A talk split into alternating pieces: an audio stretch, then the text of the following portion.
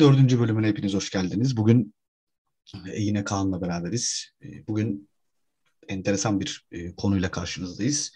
Devlet kavramını konuşacağız. Devlet nedir, neden ortaya çıkmıştır? Yöneticiler kimlerdir? Nasıl yönetici olunur?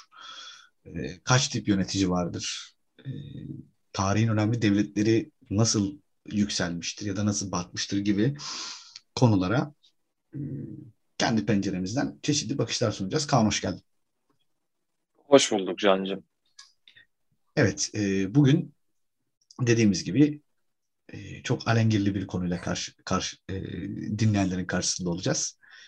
Ne dersin Kaan'cığım ilk nasıl e, ilk, başlarsın? Ilk, ilk olarak ilk olarak şunu söylemek istiyorum. Ya devlet başa ya kuzgun leşe Can'cığım. Evet. Bu özlü sözden sonra e, şimdi tarihsel olarak devletin çıkışını veya çıkış noktalarını inceleyeceğimiz için çok basit bir soruyla giriş yapmak istiyorum aslında. Devlet nedir? Devlet nedir? Güzel soru. Devlet şudur aslında. E, verginin nasıl toplanacağı ve üretilen ürünün nasıl depolanacağını düzenleyen kurumdur. Devlet budur aslında. Şimdi biz ilk e, işte bu hani geçen program konuşmuştuk ya seninle işte yerleşik hayata geçiş ondan sonra işte ilk köylerin kurulması işte köyün koruması köyün koruma durumları işte üretilen e, tahıllar falan filan ilerleyen süreçte şöyle bir şey ortaya çıkmaya başlıyor.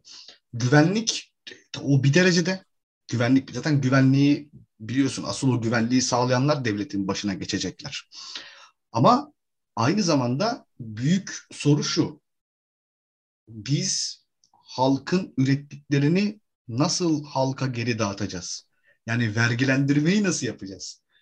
Devlet dediğimiz şey tüm bu ekonomik düzeni sağlayan, insanların birbiriyle olan ilişkilerini ve insanların o soyut yapıyla olan ilişkilerini sağlayan mekanizmadır aslında. Ve sınırlı, sınırlarının korunmasını ve kendi can güvenliklerinin e, sağlanmasını sağlayan bir mekanizma senin dediğin Kesinlikle, kesinlikle. Yani e, insanlar şimdi geçen programda bunu söylemiştik. Tekrar oraya atıf yapalım. Dört temel ihtiyacımız var bizim.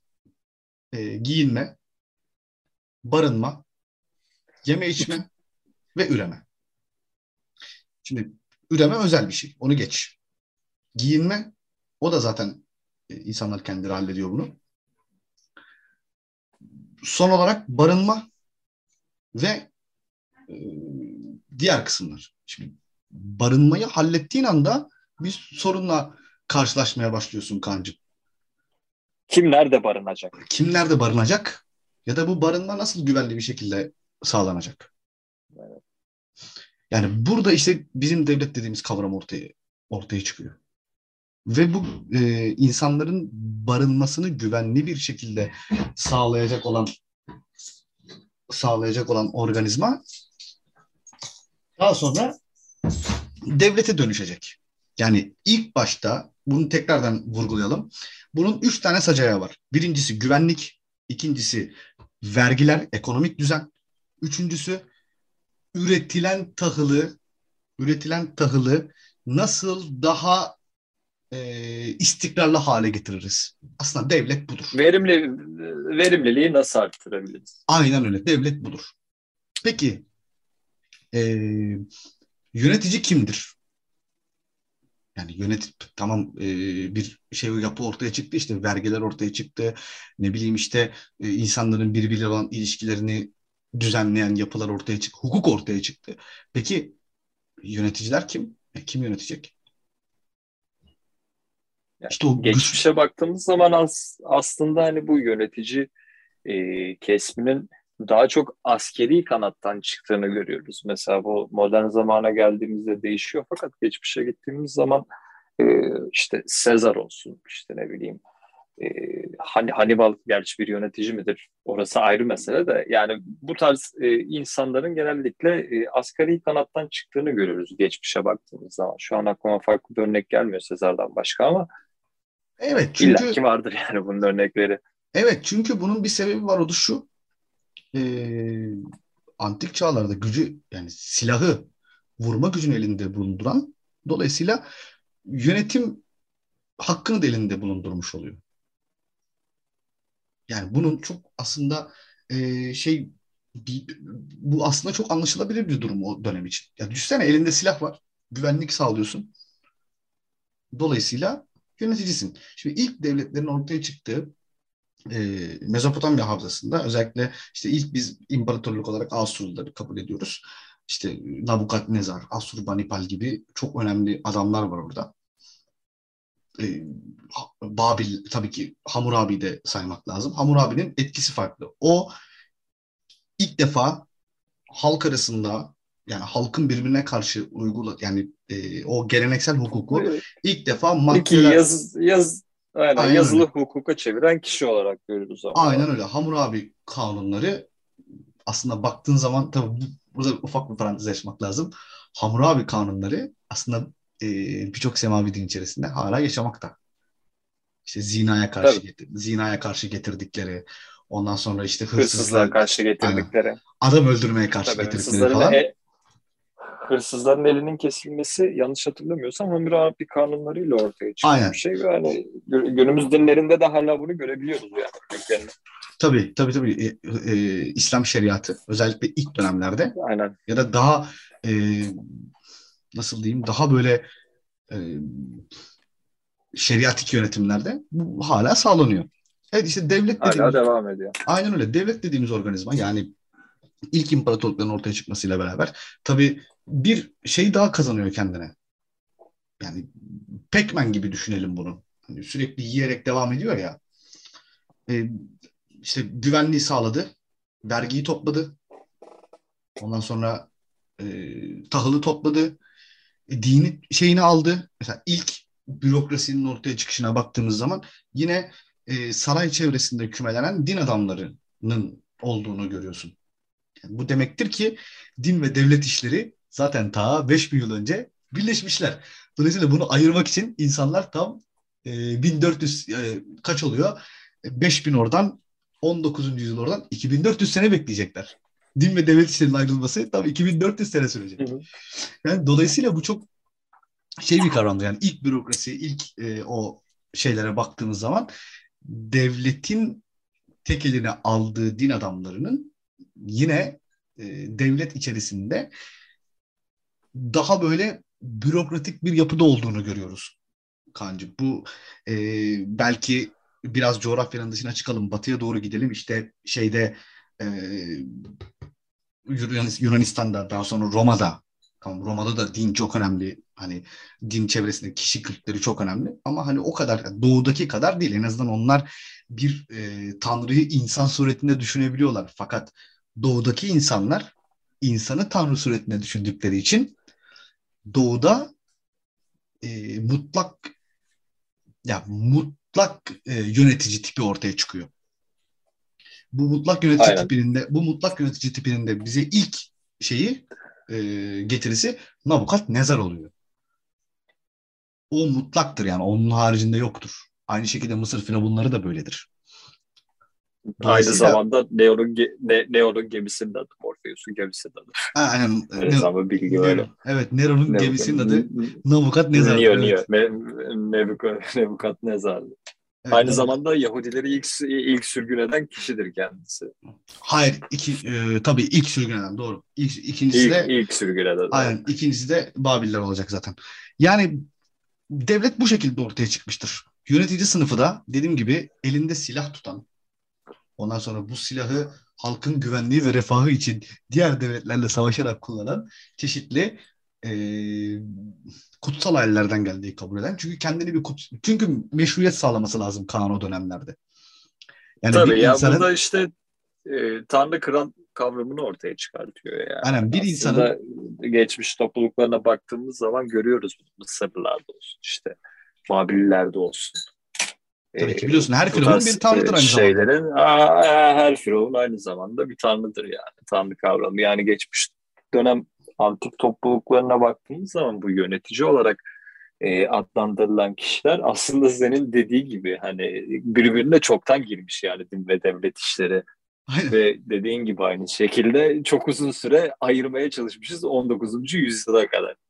Aynen 19. yüzyıl burada kilit aslında işte hepimiz şeyi alırız değil mi? Şey olarak 1789 al işte Fransız ihtilali falan.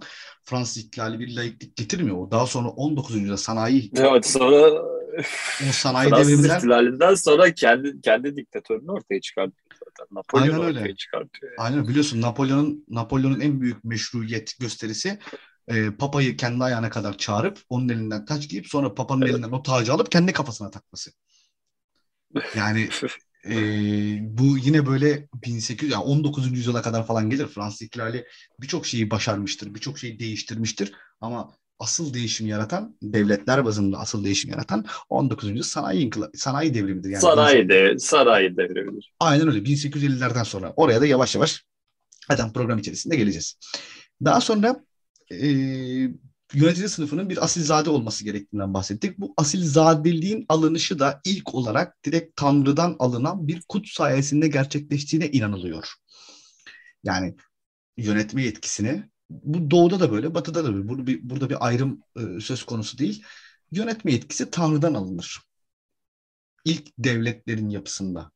Dolayısıyla bu insanlara işte bugün e, hani birçok kullandığımız kavram ya da birçok kullandığımız e, yönetim şekli bu e, dönemlerin e, şeyine ha- haiz olsa da yani buralarda kullanılmış olsa da aslında bunlar daha sonra kavram olarak içleri çok boşalıyor ve çok değişiyor.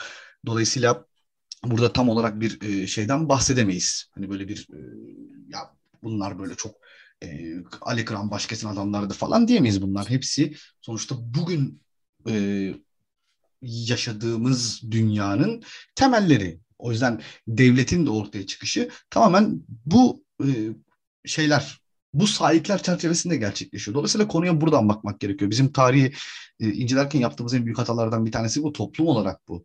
İşte mesela şey deniyor işte Osmanlı Cumhuriyet mi vardı falan filan diyorlar ya böyle çok aşırı e, laikçi kesim yani demokrasi dediğimiz kavram zaten 20. yüzyıl kavramıdır. Hani bunlar Tabii, ta- tabii öncesinde de vardı hani modern Hani- olarak bildiğimiz demokrasi kavramı evet 20. yüzyılın, yüzyılın çıkarttığı bir icattır yani. aynen öyle. Ama Şimdi, geçmişte tabii örnekleri de var demokrasinin. şimdi geçmişte demokrasi örnekleri derken hemen istiyorsan demokrasiden devam edelim.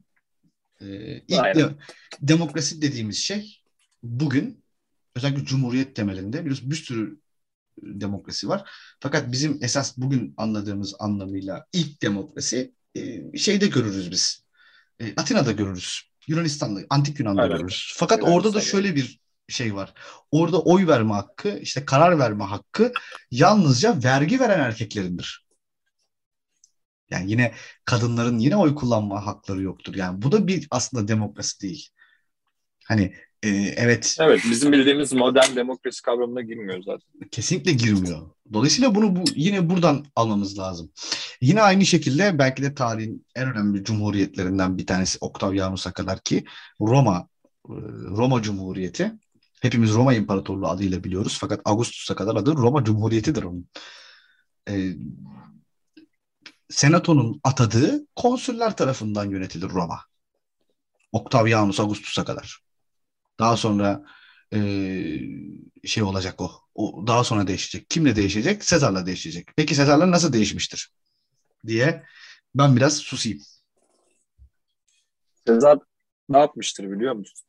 İtalya'da Rubicon adlı bir tane nehir var Can.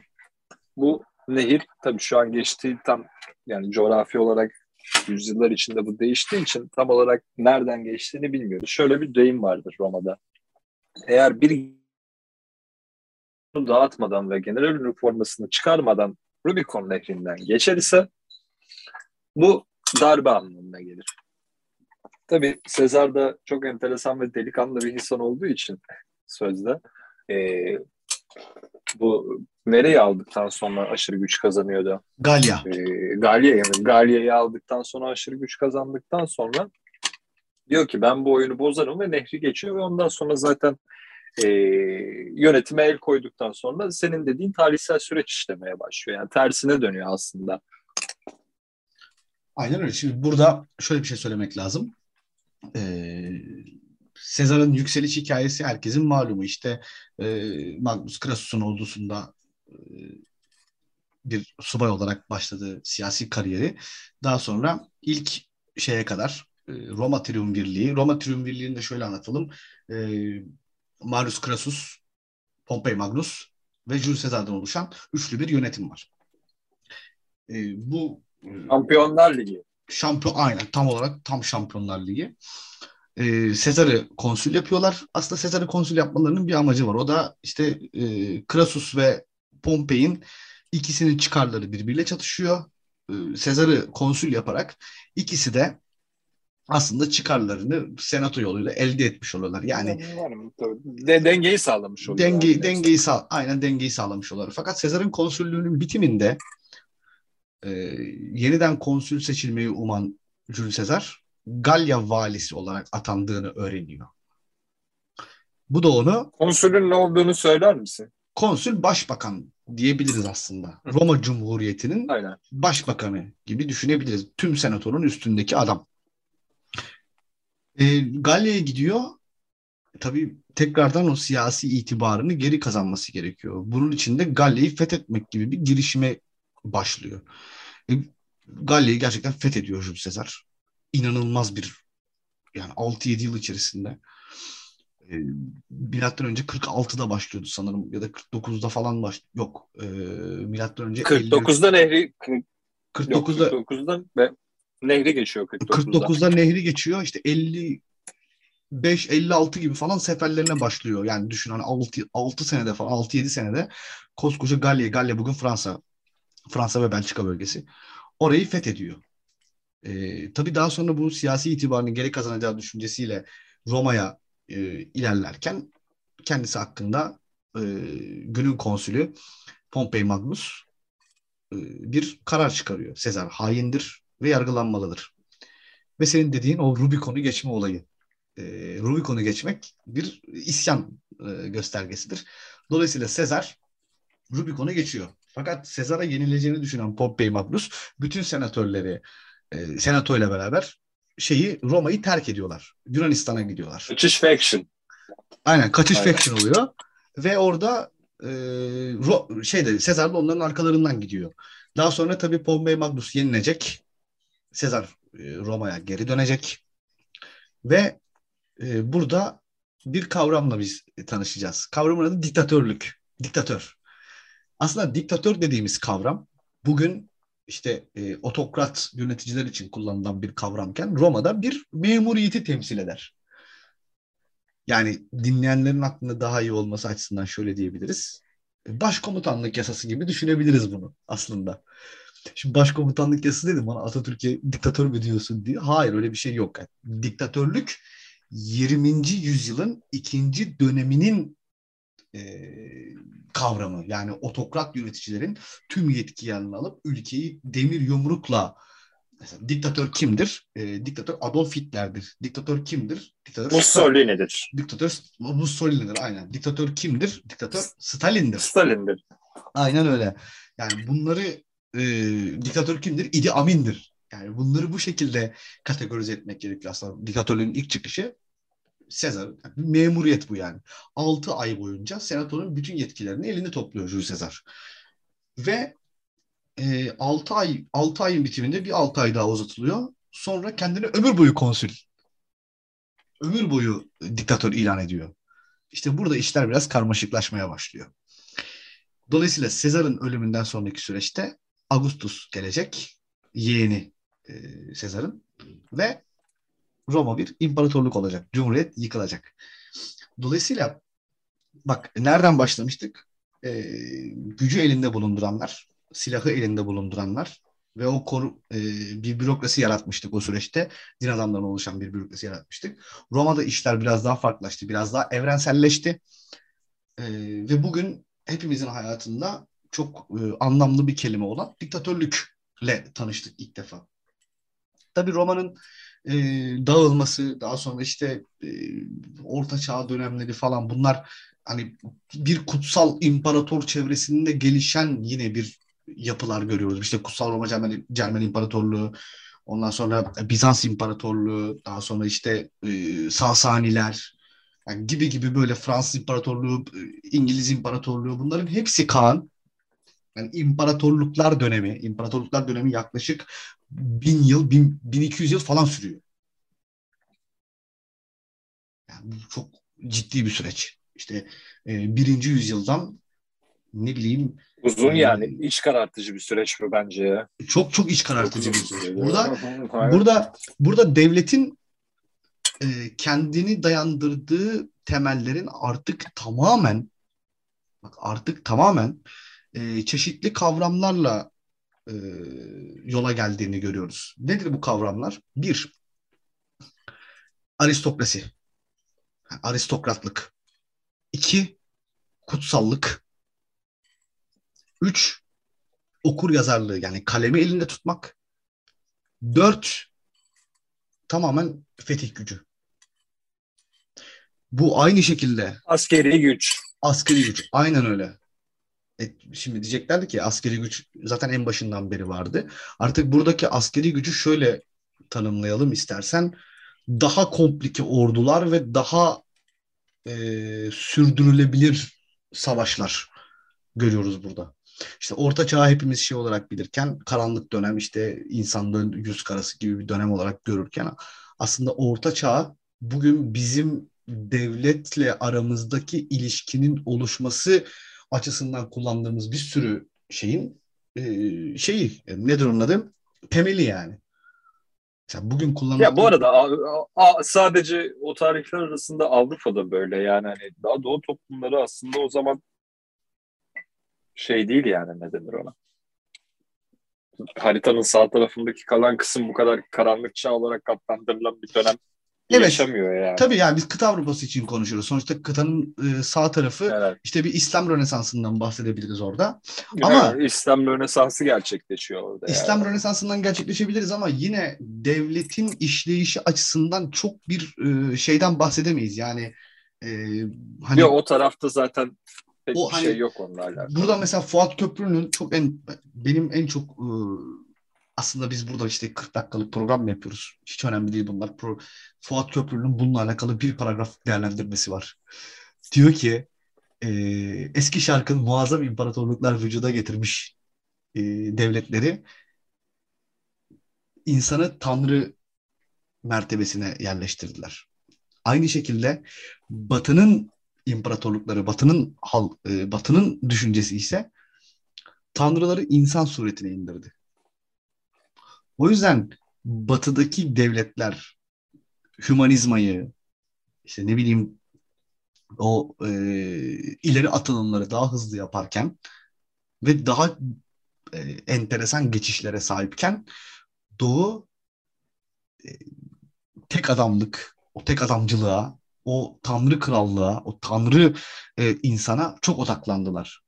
Ve dolayısıyla Batı ilerlerken Doğu hep onların gerisinde kaldı diye Fuat Köprülü bunları çok güzel özetler. Çok ciddi bir argümandır. Fakat aynı şekilde işte e, tarihsel sürece baktığımız zaman yöneticilerin e, nasıl o otokratlıktan nasıl vazgeçilebilir olduğuna geçişi çok güzel görmekteyiz dünya tarihinde. Evet devletler vergiyi topladılar. Evet devlet yapısı insanların güvenliklerini sağladı fakat insanların güvenliklerini sağ, sağlarken aynı zamanda onları ne kadar sömürdüklerini de unutmayalım. Yani Tabii. E, mesela sonuçta orta... bu tek tek bir sınıfın tek bir sınıfın elinde olan bir kavram. Aynen öyle. Tek bir sınıfın elinde. Şimdi mesela insanlara soruyorlar ya hangi tarihi dönemde yaşamak istersin? Adam diyor işte 19. yüzyılda yaşamak isterim. 15. Abi ne orada yaşamak istiyorsun ya? En güzel yaşadığın Manyak dönem... mısın sen? Aynen kendi dönemin zaten. Ya. Sen ne olacaktın? Serf olacaktın işte yani. Hani rayyet olur, rayyet olur, rayyet olacaktın.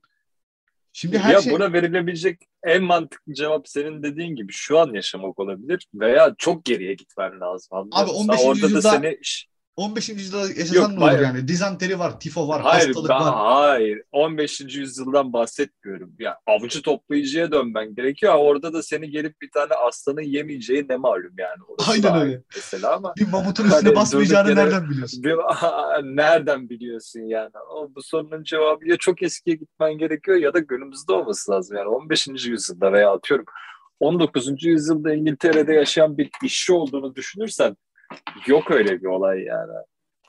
Hani çünkü 19. yüzyılda geri geldiğin zaman sen yine e, işte şey olmayacaksın, aristokratinin bir parçası olmayacaksın yani. Sen yine çalışan halk olacaksın.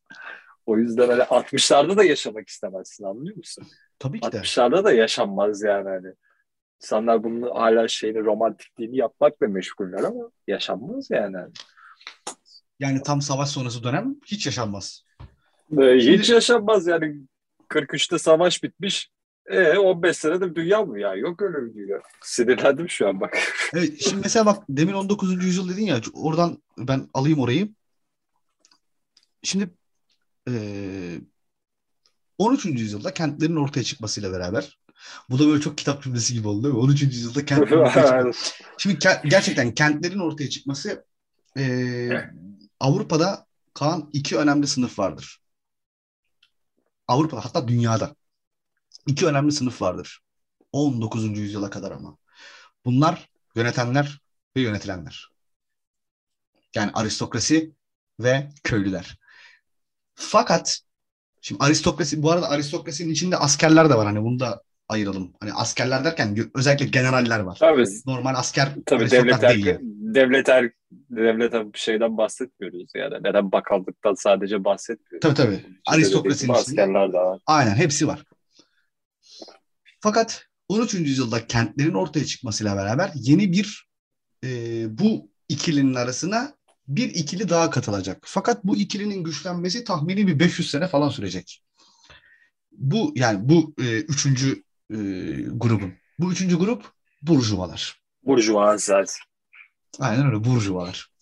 Şimdi burjuvanın işin içine için içerisine girmesi parayı parayı tutanların tek elinden yani parayı tutanları ikiye ayıracak. Şimdi daha önce bütün para, bütün kapital şeyin elindeydi. E, aristokrasinin elindeydi. Bu sefer kapitale bir ortak çıkacak.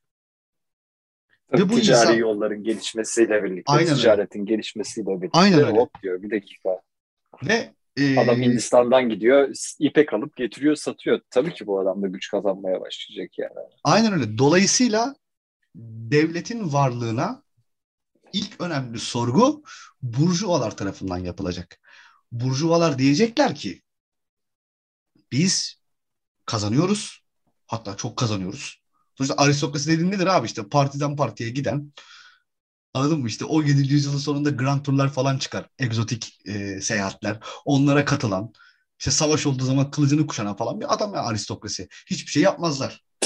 Öyle takılırlar yani. Fakat Burjuva çalışıyor kan, üretiyor.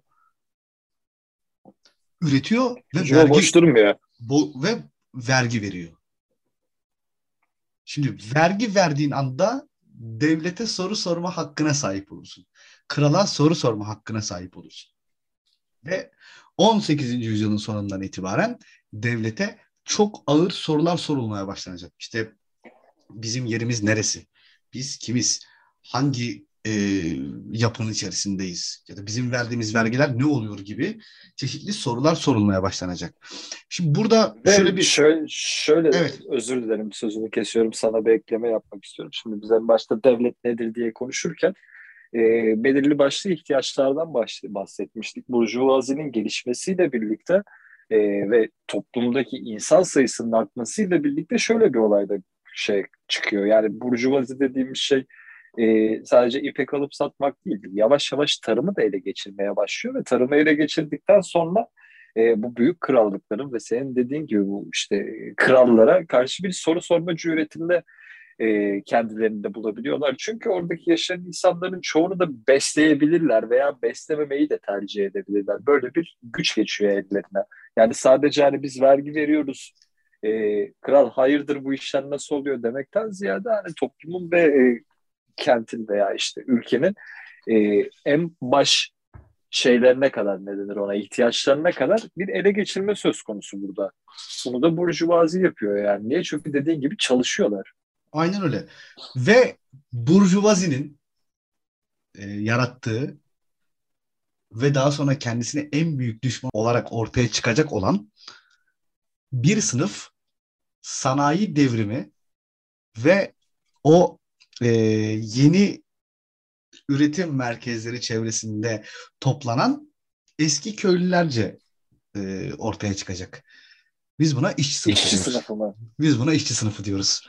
Ee, işçi sınıfı ilk olarak İngiltere'de ortaya çıkıyor. Tabii bunların ortaya çıkması tarımsal anlamda bir boşluk yaratsa da e, çok daha büyük bir iş gücünün devlet içerisinde var olmasını ve devlet içerisinde var olmasının yanında aynı zamanda devletten yeni haklar talep etmesinin önünü açıyor. Şimdi e, iki sınıf vardı. Değil mi? İki sınıf vardı. Aristokratlar, yöneticiler ve yönetilenler. Yani köylüler.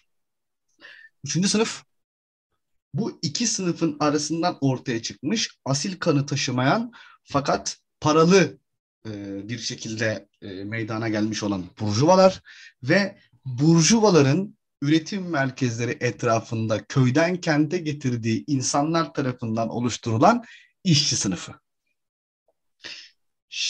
Artık dört sınıf var. 19. yüzyıla geldiğimizde. Yani sanayi devrimi gerçekleşirken yani biz buharla, tren yollarıyla, yeni teknolojilerle e, hayatımızı renklendirirken, elektriği bulmuşken dört sınıf var.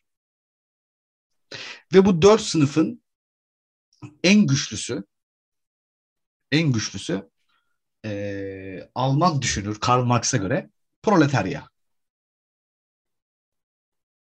Bunlar devletin e, sarsılması için kökünden bir hamle yapabilirler. Ve biz ilk defa e, imparatorluklardan hariç yeni şimdi e, en baştan gidelim. Şeflik, doğru mu? Yani bir e, şefin etrafında birleşmiş köyler topluluğu. İmparatorluklar, küçük e, birlikler, daha sonra bunlar büyüyecekler ve imparatorluk olacaklar. E, kent meclisleri, kent cumhuriyetleri, işte Yunanistan, Atina, Sparta gibi. Daha sonra Roma, dünyanın ilk ve en yani dünyanın en büyük cumhuriyeti, daha sonra dünyanın en büyük imparatorluğu olacak. E, Orta Çağ'da kral ve e, din adamları etrafında örgütlenmiş bir e, yapı. Daha sonra buna üniversiteler falan katılacak. O başka programın konusu. E, 15. yüzyıl, 14. yüzyılın sonundan 18. yüzyıla kadar imparatorluklar, işte Osmanlı, Kutsal Roma, Cermen gibi imparatorluklar. 18. yüzyılda, 18. yüzyılın sonunda Fransız ihtilali, Fransız ihtilalinde değişmeye başlayan devlet, de, e, değişmeye başlayan devlet 19. yüzyıla geldiğimiz zaman tüm bunların e, sonucunda ortaya yeni bir kavram çıkıyor. Bu kavramın adı komünizm. Yeni bir yeni bir sistem ortaya çıkıyor aynen. Evet, bu kavramın adı komünizm. E, Karl Marx e, kapitali elinde tutanlara karşı proleter gücün bir gün üstün geleceğini ve bütün bu merkezi yapının e, çöküp yerine işçi temelli ve daha katılımcı bir yapının ortaya çıkacağını söylüyor. İlk başta bunun daha adına bir evet, yapının. daha eşitlikçi bir aslında tam olarak bir toplum yapısından bahsediyor Karl Marx. Çünkü komünizm evet. Türkçe'ye çevrildiği zaman toplumculuk. Toplumculuk oluyor. yaşamdan aklınıza geldi. Aynen öyle bir toplumculuk e, oluyor. Şimdi dolayısıyla Kaan'cığım 19. yüzyıla geldiğimizde elimizde toplamda sayalım e, meşru, meşru, meşrutiyet, pardon mutlak monarşi, meşrutiyet, demokrasi, cumhuriyetler, tabii bunlar antik cumhuriyetler, daha sonra gelişecek onlar ve sosyalizm olmak üzere dört tane yönetim biçimi var. Sen bunlar hakkında ne diyorsun? Şu an senin kafa yanmıştır büyük ihtimalle. Yok ben bunlar hakkında yani hani öncekiler hakkındaki yorumlarımı belirttim fakat en son ortaya çıkan sistemde hani şöyle bir noktaya değinebilirim. Tabii bunlar çok e, nasıl diyeyim yani. Genel geçer. Ya, genel geçer düşüncelerimden bahsediyorum yani. Çok sığ olan bir kısımdan değinmek istiyorum ben. Kendi eleştirimi de yapayım. Yani özellikle komünizm babında yani hani gerçekleştirilemeyecek bir ütopya olduğundan bahsediyorum düşünüyorum şahsen. Çünkü avcı yetiştirici, avcı toplayıcı toplumlarda hani bunun zaten ilk örneklerini görüyoruz biz zaten. Fakat komünizmin bir süre sonra evrileceği nokta ya dediğin gibi demokrasiye gidiyor ya da e, şey ne denir ona e, monarşiye gidiyor yani aslında ikisinden önce deneyimlediğimiz bir şeyken şu an günümüz modern toplumda bunu deneyim yani geçmişe dönmek gibime geliyor biraz da. Onu kartondan bir ev yapacağız. Fakat burada yapılmışı var yani anlıyor musun? Çünkü daha öncesinde hani denemişiz. Bunlar mutlak enerjiye veya demokrasiye dönmüş. Onu geçtim. Ee, yani çok da uzağa gitmeye gerek yok yani. Sovyetlere de bakabiliriz bunun için. Burada denen, yani denenmiş bir noktası da var veya hiç geriye gitmemize yok. Şu an Çin'e de bakabiliriz bunun için yani. O yüzden hani pek sağlıklı bir yapı olduğunu düşünmüyorum. Kendi sığ düşüncelerim bu şekilde şahsen. Yani tabii şimdi e, Marx'ın bu konuda çeşitli argümanları var. Diyor ki e, işçilerin oluşturduğu yani işçilerin üstün geldiği baskı. Çünkü e, Marx'a göre en e, bunu nasıl formülize edebilirim? Marx'a göre en güçlü topluluk iş gücünü elinde bulunduranlardır. Dolayısıyla iş gücü elin iş gücünü elinde elinde bulunduranların aynı zamanda bir hak ve bir söz sahibi olmaları devletin varlığı açısından çok önemlidir diyor. Dolayısıyla ilk olarak yani komünizm bu işin artık ütopyası. Hani Ferhan Şensoy'u rahmetli evet, aldım.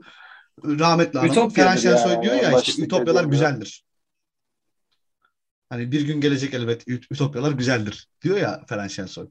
E, bunun da çeşitli yolları var Marx'a göre. Birincisi sosyalizm. Yani daha e, yani soft.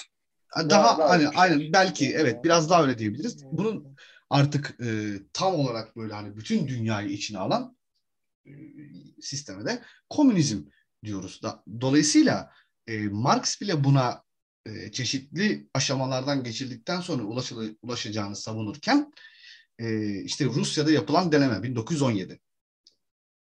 Lenin'in önce e, kurduğu Ütopya ki Lenin'inki Ütopya'dır. Gerçekten Ütopya'dır Lenin'inki.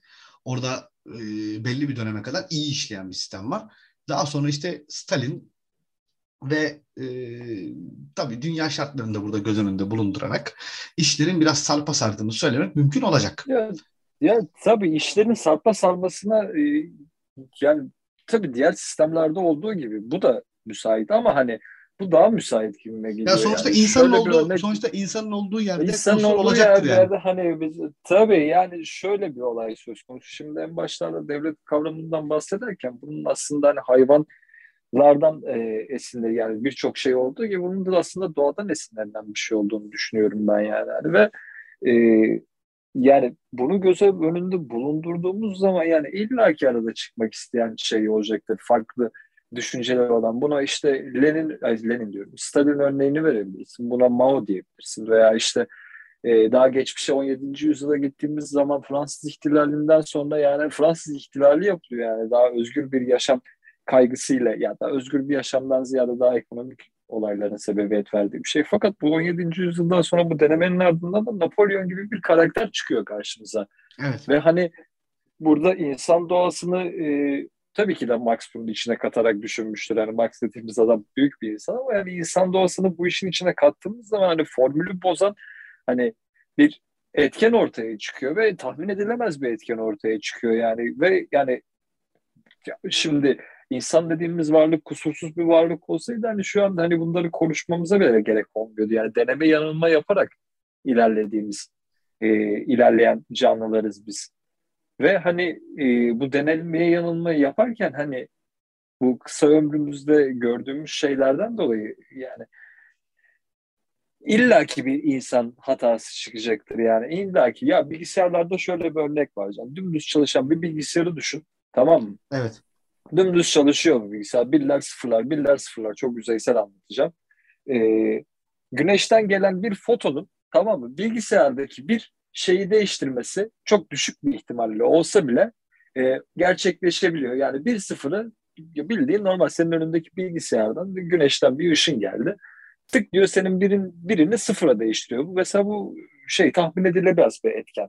Yani küçük de olsa bunun bir e, ihtimali var diğerlerinde olduğu gibi. Fakat bu daha çok insan üzerine inşa edilen bir ya daha humanizm odaklı aslında bir şey yani hani bu konuşulan şey. Çünkü toplumun e, yani büyük bir kısmını daha refah içinde yaşaması adına e, yazılan bir veya işte ortaya çıkan bir görüş, düşünce, ideoloji veya farklı bir şey fark etmez sizin. Ama buradaki işte dediğim gibi en küçük e, etmen bile buradaki bilgisayarımızı bozabiliyor ve buna çok fazla şey veriyor. Ne denir ona? Yani çok fazla müsait. Lenin evet dediğin gibi e, Lenin, bir işler yoluna gitmişti. Stalin tamam Stalin gibi bir insanın gelme ihtimali çok fazla ve çok fazla güç veriyorsun. Çünkü belirli başlı şeylerden mahrum kaldığı için belirli, yani şu an aristokrasiyi de yok etmen gerekiyor. Burjuvaziyi de yok etmen gerekiyor ki ütopik bir sınıfa ulaşabilirsin. Fakat bunlar gerekli sınıflar. Ne kadar biz bu sınıfların içinde olmasak daha iyi. Yani öteki türlü burada, işler çok daha farklı yere gidebiliyor. Şimdi burada şöyle bir şey söylemek lazım.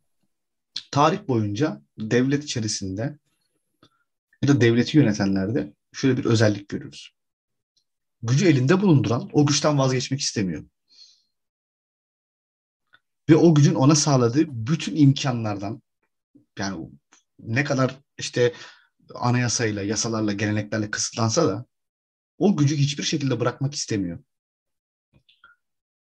Dolayısıyla gücü elinde bırakmamak ve gücü elinde tutma hikayesi aslında tüm e, insanlık tarihini çok güzel anlatabilecek bir durum.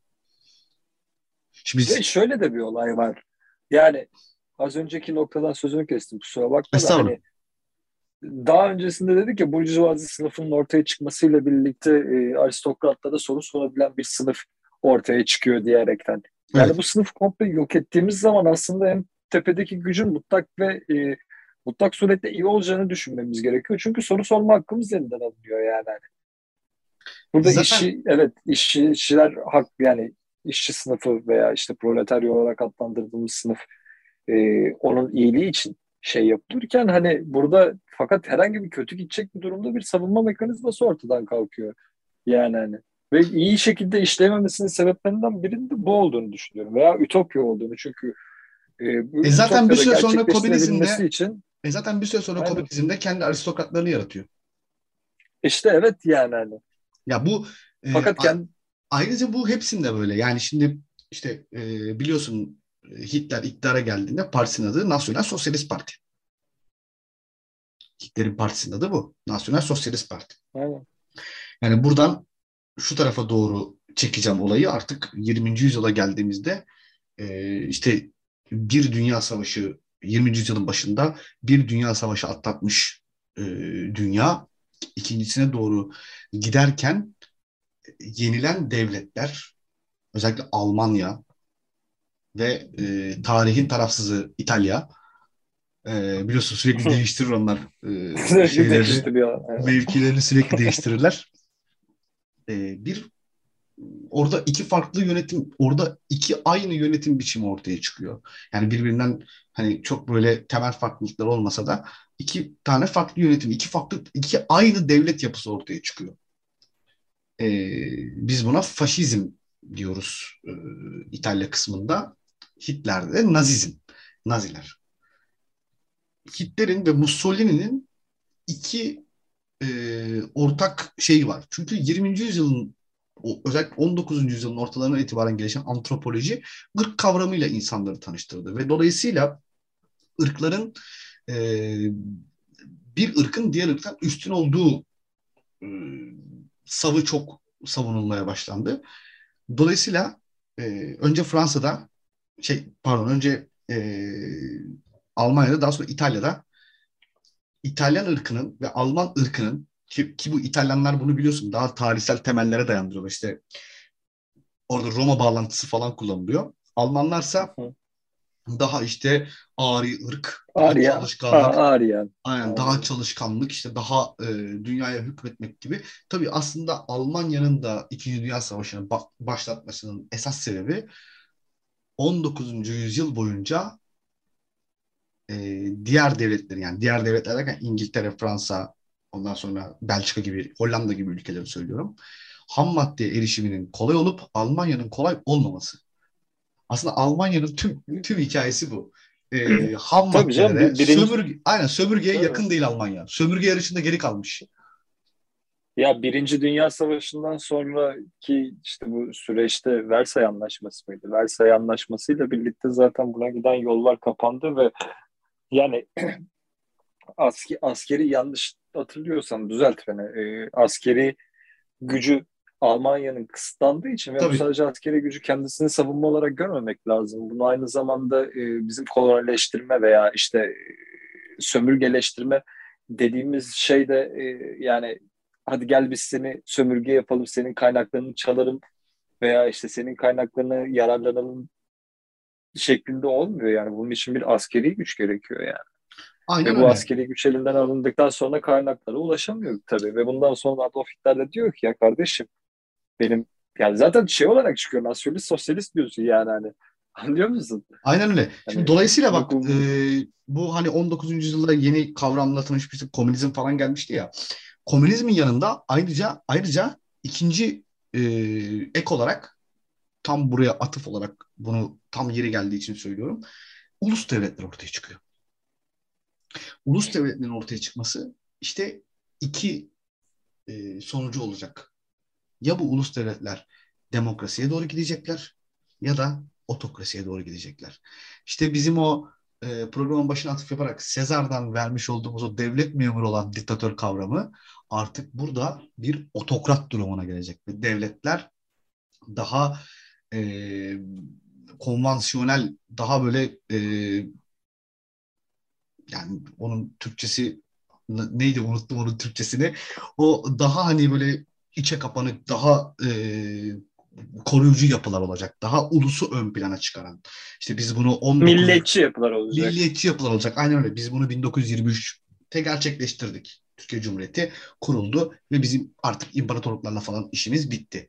Diğer birçok e, ülkenin de bu şekilde oldu. Fakat Almanya ve İtalya'da durum çok farklı yerlere geldi. Bugün diktatörlük kelimesinin bu kadar kötü anılmasının tek müsebbipleri e, Mussolini ve Hitler'dir. Çünkü bunlar dünyayı bir başka bir şeyle tanıştırıyorlar. Bu Japonya'nın neydi ya? Japonya'nın manyağı vardı ya bir tane. Evet unuttum onun adını. Neydi ya? Onun adını. Ben de unuttum şimdi. Onun adını. İkinci Dünya Savaşı Hatta, sırasındaki ne diyorsun? Tabii tabii. Bu Aynen. işte onun, efsanevi generalleri var onun, ya. Onun adını unuttum ben de. Yani dolayısıyla e, devlet de artık yani 20. yüzyıla geldiğimizde o ilk baştaki bütün... Hideo Tojo. Hideo Tojo aynen. Hideko Tojo. Aynen Hideko Tojo aynen. O da e, enteresandır. Ve dolayısıyla Kaan e, devletin varlığına yeni bir özellik daha ekleniyor 20. yüzyılda, 20. yüzyılın ortalarında. Evet. O da şu, bir ırkın üstünlüğünü korumak. Vergi alır. Tamam, vergi geç. Bu tarih boyunca değişmiyor. E, halkın işte doymasından sorumludur. Yani tahılı toplar. Bu da değişmiyor. Halkın güvenliğinden sorumludur. Bu da değişmiyor. Fakat 20. yüzyılda şöyle bir özellik daha kazanıyor devlet. Bazı devletler. Bu daha sonra değişecek tabii. Bir ırkın üstünlüğün yani bir halkın diğer halklardan daha üstün daha üstün olduğunu savunma mekanizması geliştiriyor. Ve bu bizi inanılmaz bir yıkıma götürecek İkinci Dünya Savaşı'nda. İkinci Dünya Savaşı bittiğinde ne oluyor peki? Orayı da biraz sen bahset sonra da yavaş yavaş kapatırız zaten. Yani İkinci Dünya Savaşı bittikten sonra ne açıdan ne oluyor ben onu anlatayım da. Yani bir sürü biliyorsun artık İkinci Dünya Savaşı'nın bitişi yeni dünya düzeni. Ya, tabii, demek.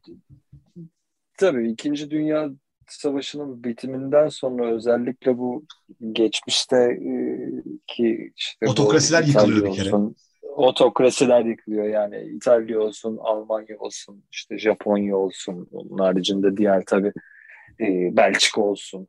E, bu tarz toplumlarda e, senin dediğin gibi otok otokrasiler yıkılmaya başlıyor ve yani monarşi e, Çöküyor artık diktatörlük yani. Aynen. çöküyor yani, artık. O... Yani o dakikadan sonra ortada yani bir tabii şey seremoni yani e, seremonik olarak e, monarşiler hala var. Fakat mesela İkinci Dünya Savaşı'ndan sonra e, bu mutlak monarşiyle yönetilen yerlerde ki bu insanların hakları da ellerinden alıyor. Yani birçoğunun alınıyor evet. İtalya'sından bahsedebiliriz. İşte Hollanda'dan bahsedebiliriz. Senin dediğin gibi daha sembolik yani, hale geliyor.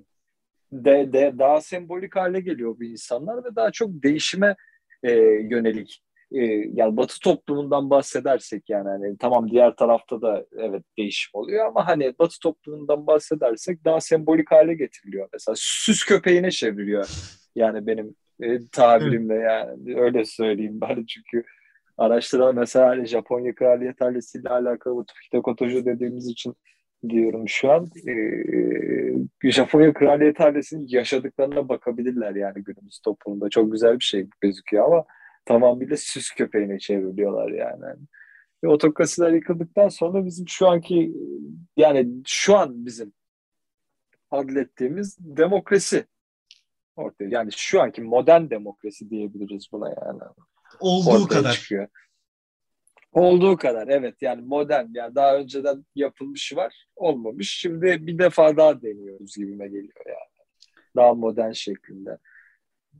Evet, daha, tabii biz yani biraz aslında biz biraz mehter takımı e, şeyle yürüdüğümüz için daha böyle mehter takımı gibi yürüdüğümüz için iki ileri bir geri. iki hatta bizde bazen iki, hatta bizde iki geri e, sonra üç geri daha yarım oluyor gene. Ileri. Aynen yarım adım ileri. Bizde daha çok geriye doğru bir gidiş var. E, ama dediğim gibi bu tamamen şeyle alakalı bir durum. E, bizim geliştiğimiz ve bizim yetiştiğimiz e, coğrafya. Şimdi coğrafya kaderdir. Öyle bir şey yok. Coğrafya asla kader değildir. E, sadece gelişmemişlik bir kaderdir. Bir medeniyetsizlik bir kader, e, sadece şeydir burada. Kaderdir. O medeniyeti biz 1923 yılında muasır medeniyetler seviyesine ulaşmak gayesiyle yola çıkmış olsak da bugün e, bizim gerçek anlamda o kullandığımız otokrasi, otokrat rejimlerden ve e, devletin esas amaçlarından bir tanesi halkın refahını e, korumaktan daha evla işte vergi almak gibi daha ağır e, sorumluluklarla e, karşı karşıyayız. Dolayısıyla 21. yüzyılda tüm bu tarihsel sürecin, tüm bu piramidin e, en üstüne geldiğimizde yani şu an artık yaşadığımız döneme geldiğimizde baktığımızda e, devlet kavramının e, yani bu tarihsel süreci nasıl e, devam ettirdiğine dair çok güzel doneler edinmek mümkün. Yani orada nasıl, bizde nasıl.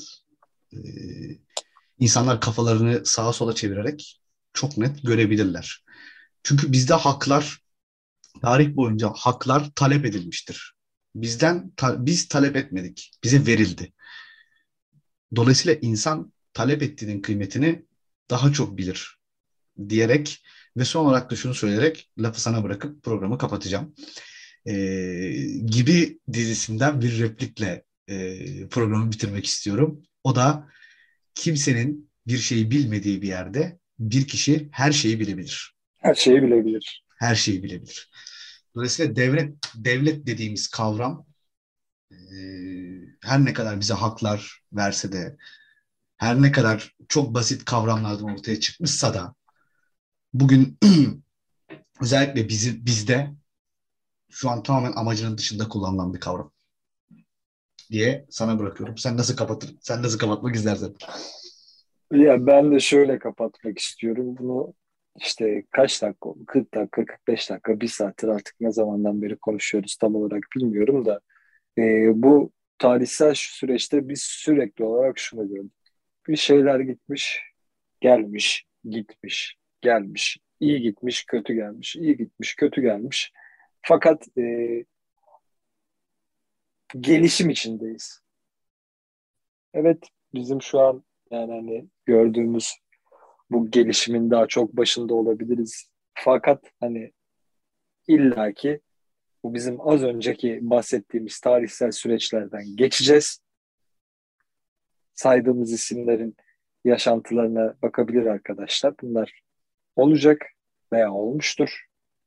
Fakat hiç kimse gelişimin önünde duramaz. Çünkü insanoğlunun en önemli şeyi, en önemli özelliği veya yani diğerlerini diğer diğer canlılardan ayıran en önemli özelliği gelişimdir arkadaşlar. Yani e, değişimle zaman, gelişim kaçınılmazdır. Tabii kaçın yani bu kaçınılmaz bir şeydir. Yani biz ilk elimize sopayı alıp ucuna taş bağladığımız andan şu dakika gelen saniyeye kadar insanoğlunun gelişimi içinde önünde hiç kimse duramamıştır. Hiçbir sistem veya hiçbir şey. Ha biz biraz saçma bir döneme denk geldik. Olur. Yapacak bir şey yok. Ama illaki yani bu devran böyle gitmez cancım Evet. diyerek. Aynen yani. Burada ben konuşmamı sonlandırıyorum. Teşekkür ediyorum. Ee, okuma listesi tabii veriyoruz biliyorsun her programın sonunda. Bu konuyla alakalı özellikle e, Alaaddin Şenel'in Siyasal Düşünceler Tarihi kitabına bakabilirler. Çok önemli bir kitaptır.